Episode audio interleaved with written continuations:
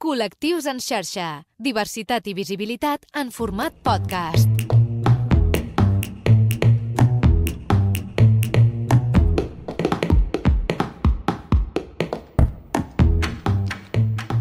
Doncs tornem a ser aquí amb un nou Col·lectius en xarxa. Lluís Rodríguez Lao, què tal, com estàs? Què tal, Manel Ferrer? Molt bé, molt bé, amb moltes ganes de tornar a compartir una estona de ràdio, de podcast, d'ones amb els nostres oients. I és que en el programa d'avui, eh, de fet, en la resta de programes, hem parlat molts cops de maternitat, de paternitat Mhm. i de variants que poden haver-hi també de tipus de famílies. I tant, i O sigui, tant. aquest sí, camp l'hem cobert bastant. cobert bastant, sí, Però sí. certament mai ens hem plantejat la no maternitat o Mhm. paternitat i avui ens proposem encetar aquest meló i conèixer si darrere de tot plegat hi ha una pressió social i un seguit d'estigmes que hem de derivar. De tot plegat en parlarem amb la Raquel García, autora del llibre No soy madre, vivir la no maternitat en, plani, en plenitud, però abans, Lluís, hem de eh, dir que ens ho vam passar molt bé l'altre dia. Home, la festa de tots colors Home, de, de Mataró, del Va ser Mataró meravellós. LGTBI. Estava a petar, Estava molt bé. Estava... ser molt divertit. Sí, va ser molt divertit. Havia jocs, havia de tot. És que ens vam passar un bingo musical Un bingo- que ens vam estar trencant el cap allà a veure què havíem de fer. Com ho havíem de bueno, fer. Divertidíssim. Però molt divertit. Que en facin més, que no? en facin Demanem més. des d'aquí. Jo demano que un cop al mes, mínim, no? Ostres, facin una sí, festa dels colors. molt bé, Seria quedem molt a meravellós. propet i... I vam veure molta gent jove, Això. que això vol dir que hi ha un bon estat de salut Ah, del col·lectiu, això, del món això. de la festa. Sí, sí. Una festa molt sana, no? Molt, molt, molt, molt. divertida, sí, gent molt divertida, simpatiquíssima. un espai molt segur. Exacte, molt Mhm, xulo. el Per tant, convidadíssims, tant de bo, a una altra nova festa Sí. que ens ho vam passar molt bé. Dit això, Lluís, va, anem a encetar el programa. Vinga. Avui, al Col·lectius en xarxa No, No sóc mare. Comença el Col·lectius en xarxa amb Lluís Rodríguez Lago i Manel Ferrer. I és que desconeixem si realment, Lluís, existeix un instint maternal o almenys si es manifesta com ens diuen, no? Com aquest clic que fa les persones gestants eh, cada cop i volta, doncs diuen, escolta, tinc la necessitat de procrear, de ser mare, no? Procrear com a Mhm. concepte, a vegades Clar. com una cosa, però com allò que se t'encén com una bombeta i dius, ha de A ser t'ha ara. passat? A mi, de ser pare... Veus, mira, a mi m'agradaria ser pare. Ja? Però no m'ha passat res, biològicament, que digui, No. és el moment. Clar, tampoc em podria passar exactament res. Però és com un pla de futur, Ja. no? Tu, Mhm. tu has sentit com, com una crida, Sí, jo he fet alt i baixos amb aquesta crida. val? Però ara estic en un moment més baixet, però, però sí, sí, jo ho he sentit fort, fortament, diríem. Doncs avui en parlarem. Mhm. El que sí que és cert és que en els darrers estudis diuen, atenció, que el 10% de les dones espanyoles han decidit no ser mares. Una xifra que també preveuen que a poc a poc vagi també en augment. Col·lectius en xarxa. El programa queer de la xarxa que vol fer-te reflexionar sobre tot allò que algun cop t'has preguntat.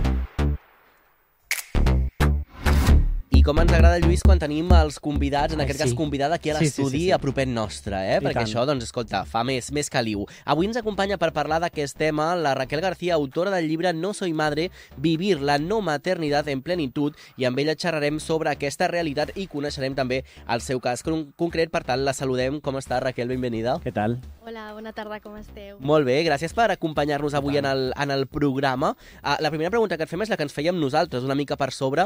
Existeix aquest instint maternal? Tu el vas sentir en un moment de dir haig de ser mare? És el moment. És una bona pregunta perquè en el meu llibre parlo d'això Uh -huh. i hi han com molts estudis que diuen que no existeix. Mm. Llavors, bueno, ja si ho llegiu ja ho veureu, però en principi jo sí que creia que tenia aquest, aquest instint maternal, però crec que era algo més mental, més ha de ser, de fer-ho, és l'hora, no? Val? No era tan més- físic. Més promogut potser per l'entorn, la societat, no? Sí. El... Sí, sí, sí, sí.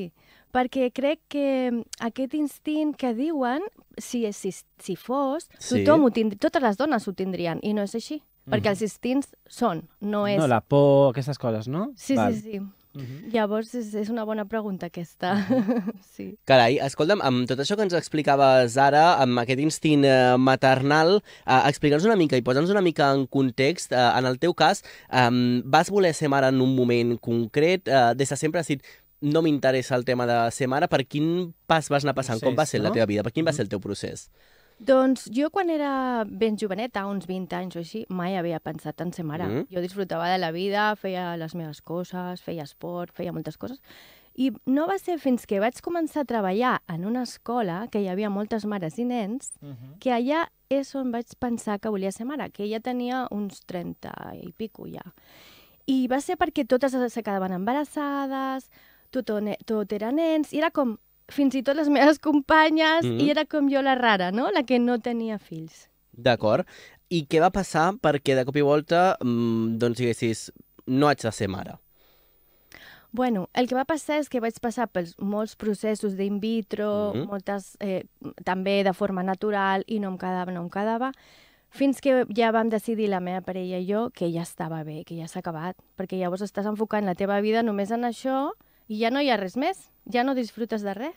Uh -huh, uh -huh. És veritat que, que, que el procés de quedar-se embarassada, a, a més a més, si, si intervenen també bueno, és veritat, és el que jo he, he sentit en el meu entorn també, no? si intervenen també processos com l'in vitro, així, acaben centrant en, aquest, en aquests moments molt la vida no? de les persones que, que hi estan implicades en el procés i potser cada cop que hi ha una, una mala notícia o un, un embaràs que no es porta a terme, la sensació és molt, acaba sent molt frustrant, no?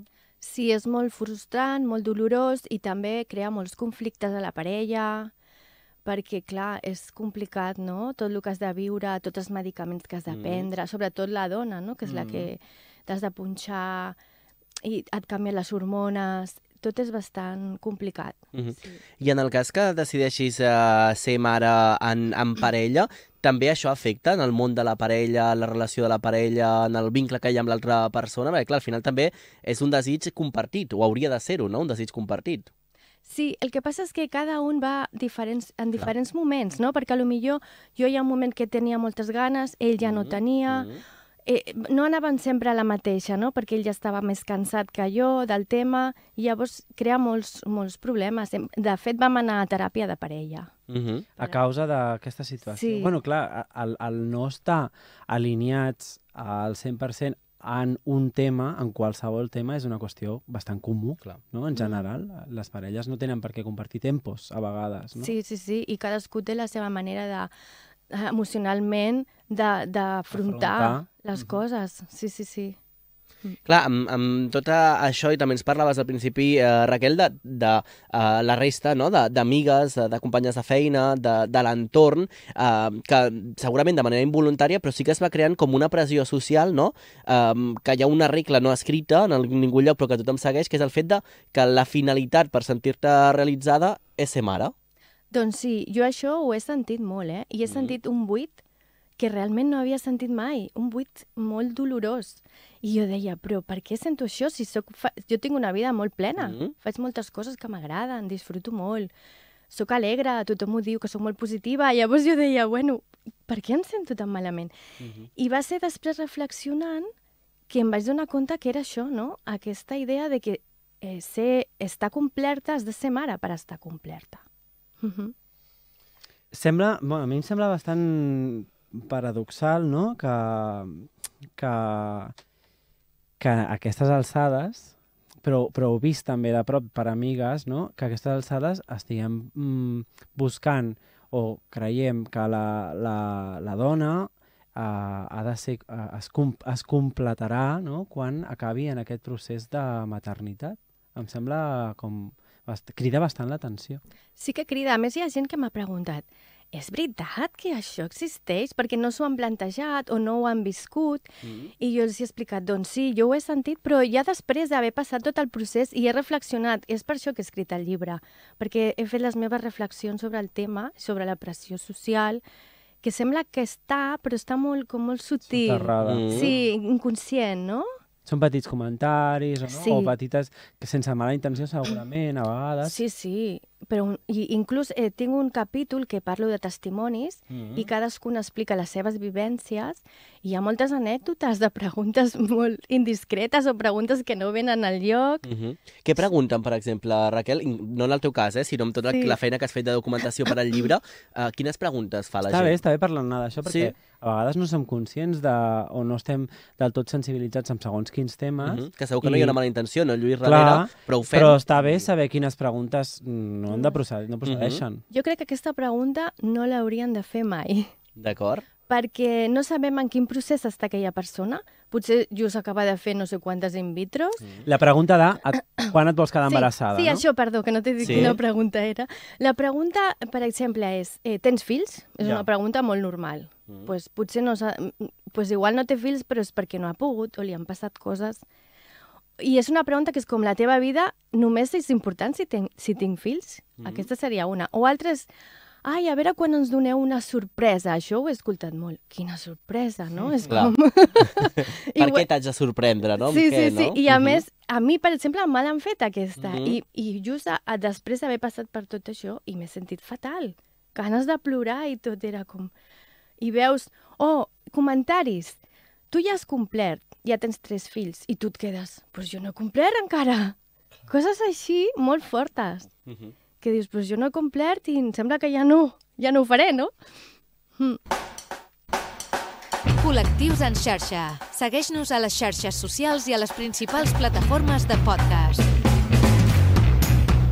Seguim endavant amb aquestes, fixa't, aquestes reflexions, Lluís, no? A vegades tot va, ho, ho veiem eh, en els programes que fem, que moltes vegades va d'expectatives, d'expectatives que genera també la societat al voltant de quin paper eh, ens, col·lo ens col·loca mm cadascú, no?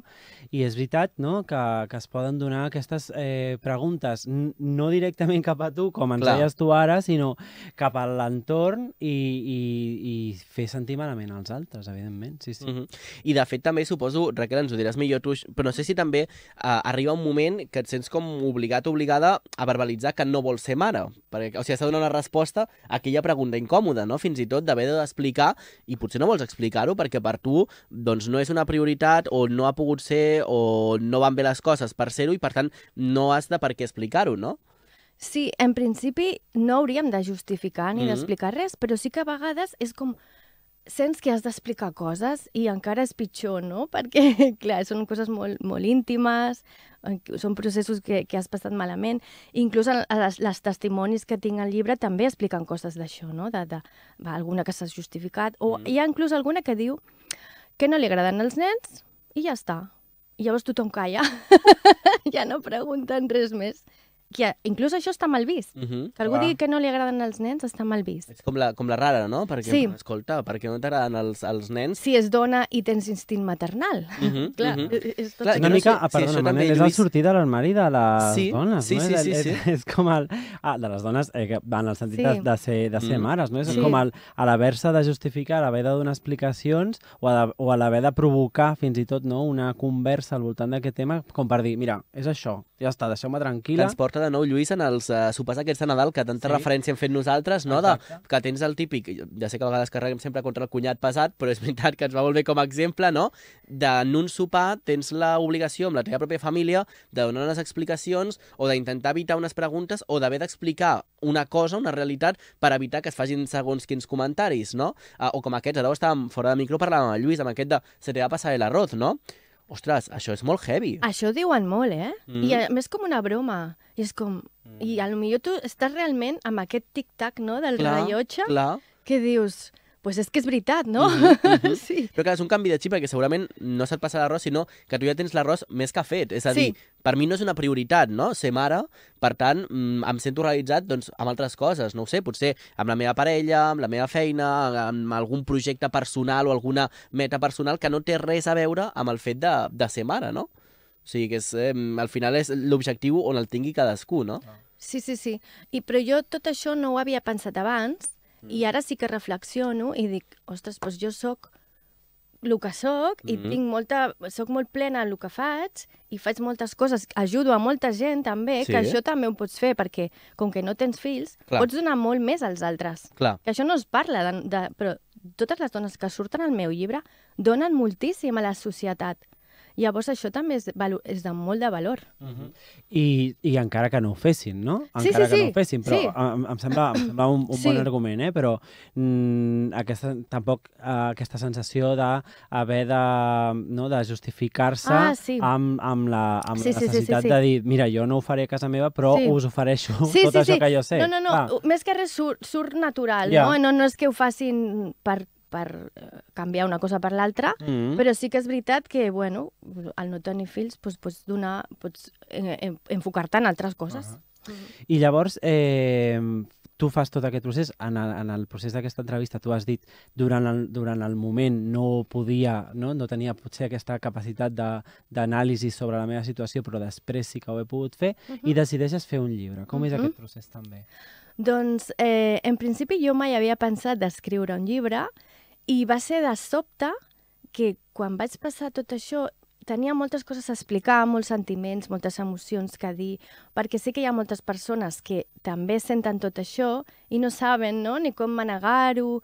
I jo vaig, i jo vaig pensar, pues un llibre seria molt, molt xulo. Però va ser més per mi, eh, en principi. És a dir, com un treball intern, no? Sí, Gairebé. com terapèutic, Mm, perquè sí. cada capítol m'anava portant a un, a, un, a un lloc, a un moment, Mm. mm, a un procés. Inclús he plorat, no?, escrivint, que és molt... Vaig quedar al·lucinada, no? Ostres, estic plorant mentre escric això. Mhm. És com que vaig treure tot. I llavors em vaig apuntar a un curs que era Escriu el teu primer llibre i em van ajudar doncs, com a organitzar els capítols i va ser això i començar. De fet, ha sigut en, ràpid, ho he fet ràpid. Ja. Quin ha estat el, el procés de... el, el temps que hi has dedicat? Doncs pues mira, vaig començar aquest juliol Uh -huh. Déu-n'hi-do. Sí, i, i era com... Em ficava i estava immersa en, en l'escriptura, una cosa que no coneixia de mi. Mm -hmm. Sí, sí. Molt bonic. Raquel, em parlaves l'altre cop que, hem, que ens vam veure, em deies que inclús hi ha com un grup de, de dones no? que justament defensen la non-maternitat, no? O sigui, existeix com una associació, no sé si és una, una associació o una entitat, però que justament defensa això, no? Aquest motiu. Sí, es diu Nomo Sí. i són No Mother. Uh -huh. Eh, és, eh, va sortir a Amèrica, però bueno, ara ja s'està promovent i són dones empo eh, són empoderades que diuen que no volen ser mares i ho reivindiquen. I també ajuden a dones que no han pogut, també donen suport a Val. dones que no han pogut ser Mhm. mares i volen pues, pues, entendre que, que, que, estan, que són valioses tal, per ser Val. dones només. Mhm. Mhm. Creus que la societat eh, encara, que l'hem fet moltes vegades aquesta pregunta, però creus que la societat encara premia la família tradicional, la família estàndard, és a dir, el pare, la mare i les dues criatures? Sí, totalment. Sí, ho notes, això, eh? Ho noto. Uh -huh. Sí, sí, sí. Uh -huh. En què ho pots eh, notar, per exemple, no sé si a l'hora de, no sé, de, de l'oci, d'anar a un restaurant, d'anar al cinema, d'anar, no sé, a, a algun lloc, què, què notes cap al fet de que hi hagi una família de 4 o 5, eh, doncs eh, socialment és millor que una parella que està sola. Doncs realment no sé si ho noto a fora, Mm. però sí que ho he notat molt en el que és eh, la publicitat, els, medis, els mitjans, una mica així més que fora. Uh -huh. Ho he notat més Per la així. publicitat, eh? Sí, per, sobretot mares i... La, bueno, clar, en aquest cas jo m'he fixat més, no? Sí, clar. El que és mare i fill, Clar. en braços, o pare, mare i fill, -huh. mm, com aquesta, buc aquesta idea bucòlica, no?, de família. I De fet, ho pensava, Lluís, ara amb els anuncis estic... Eh, de- hi ha molts anuncis, eh? Però estic pensant en anuncis de creuers Mm. i de viatges i vacances que surt el pare, la mare i els dos nens, i fins i tot catàlegs de, de roba d'això, de, d'això, de platja o de muntanya, que surt el referent del pare amb els nens i la, i la mare. Sí, sí. Bueno, és aquesta idea de, del que és representatiu i del que no, no? que a vegades la publicitat se'n fa ressò i, i dibuixa no? una idea de, del que espera també de nosaltres I, i això també contribueix a que després es produeixin converses com les que estem dient que no s'han de produir. Jo I crec. tant, i tant, sí, sí. Doncs eh, avui estem coneixent moltíssimes Sí. eh, coses, una realitat eh, que travessa aquest llibre que ens has vingut a presentar, Raquel, que ja està a la venda, eh? és a dir, qualsevol persona que vulgui comprar-lo el pot adquirir ja, si vol, eh? Sí, sí, ja està a Amazon. Si posen No soy madre, ja li surt el llibre. Uh -huh, uh -huh. Amb aquests testimonis, amb quanta gent has parlat? Suposo que tu també ens parlaves d'aquesta feina interna teva, no? d'escriure, que deies, he plorat escrivint aquesta part del llibre, però amb quantes altres dones vas parlar tu per acabar composant el llibre? Doncs vaig entrevistar com unes 11, Carai. així ho dic de memòria, Sí? però em vaig adonar que n'hi havia moltes més al meu voltant, només al meu voltant, amb Ja. la qual vol dir que n'hi ha moltes i que no estan visibilitzades. Llavors pogués, hagués pogut entrevistar com més de 20, però no, ja no em cabia en el capítol. Per tant, això demostra, Lluís, que és una realitat eh, vaja, que tenim molt a prop. Clar, tu parlaves d'un percentatge eh, que és el 10%, em sembla un percentatge curiós, Mm -hmm. Eh, però tu, tu creus que en aquest procés no, que has fet d'investigació, creus que hi ha una generació eh, potser més jove que està entenent o que està sentint-se més empoderada o que té més referents de, de persones com tu que, que les estan ajudant en aquest camí de, de sentir-se o de sentir-nos valuosos sense haver de complir amb les expectatives de, del que espera nosaltres la societat? Jo crec que sí, que les, les noves generacions ja tenen una altra mentalitat perquè jo, la, jo soc de, d'entre els 40 i 50 i sí que nosaltres tenim aquesta realitat de pressió. Mm -hmm. Totes les que he parlat, totes diuen que sí. Però jo crec que les, les noves generacions ja no ho sentiran igual. Mm. Doncs jo crec que és molt interessant, de fet, amb aquesta xifra que donàvem al principi del programa, que dèiem aquests eh, 10% de dones espanyoles que manifestaven lliurement el fet de no voler ser mares. Creus que les noves generacions tenen ja altres objectius, perquè segurament, eh, ara ho pensava, per exemple, en aquests dies acaba Cuéntame, no? I jo tinc ah, com sí. justament com aquell exemple no? de, de tota aquesta família tradicional que passa l'adolescència i ja van a ser mares. Creus que les noves generacions ja el tema de la maternitat no ho tenen com una prioritat? És a dir, no pensen en ser mares com a primera cosa per fer un cop se'n van de casa dels seus pares? Jo penso que, que sí, que mm. no, no pensen en això. Pensen més en els seus projectes, en els estudis, a la feina, i ja quan tinguin tot això ja veurem, no?, si, uh -huh. si pensen. Molt bé. Col·lectius en xarxa, ja disponible a la plataforma La Xarxa Més. Que també Lluís ho pensava, perquè clar, segurament ho pensen més tard per la precarietat laboral que clar, hi ha, per la dificultat sí. de trobar una parella segurament estable en el cas que vulguis uh, ser mare amb algú, amb algú altre, altre i vulguis compartir-ho, sí, sí. i, i segurament això també dificulta que mm, les noies vulguin ser mares molt joves, perquè segurament no tenen ni per mantenir-se elles fora de casa, imagina't ja per tenir una criatura. No? Clar, és que mm, la societat canvia eh, amb molts, amb molt, el prisma de que, que fa canviar la societat és molt ampli. Mm. Llavors, quan, quan eh, des de que la dona entra en el món laboral i, a més a més, eh, proposem no, que, que ocupin posicions de, de poder en unes empreses, etc etc. això acaba sent, eh, acaba transformant també aquesta idea com preconcebuda i fins i tot mm, marcada de, de quin és el paper de la dona a la societat no? i acaba, acaba, de, acaba transformant, que penso que en cert punt és positiu i obre portes a noves maneres de ser dona, no? eh, o d'ampliar no? la, la capacitat de, o, o el significat de ser dona a, a altres terrenys que són aquests, no? els de desvincular-se Mm, del, de la tradicional, d'allò tradicional i de, per exemple, ser mares. Sí, sí, sí, tens raó amb això que dius. I la veritat és que també hi ha una cosa que, que no us ho he explicat, però la nostra biologia va per una banda i la, mm. i la mm. manera que vivim va per una altra. Llavors, la dona, fins a, a partir dels 25-30 anys, ja comença a baixar la seva fertilitat. I clar, nosaltres a lo millor comencem a pensar major als 40. Clar. I clar, també hi ha, és per això que hi ha tants problemes, no?, de, de, de, per aconseguir ser mares. Mm -hmm.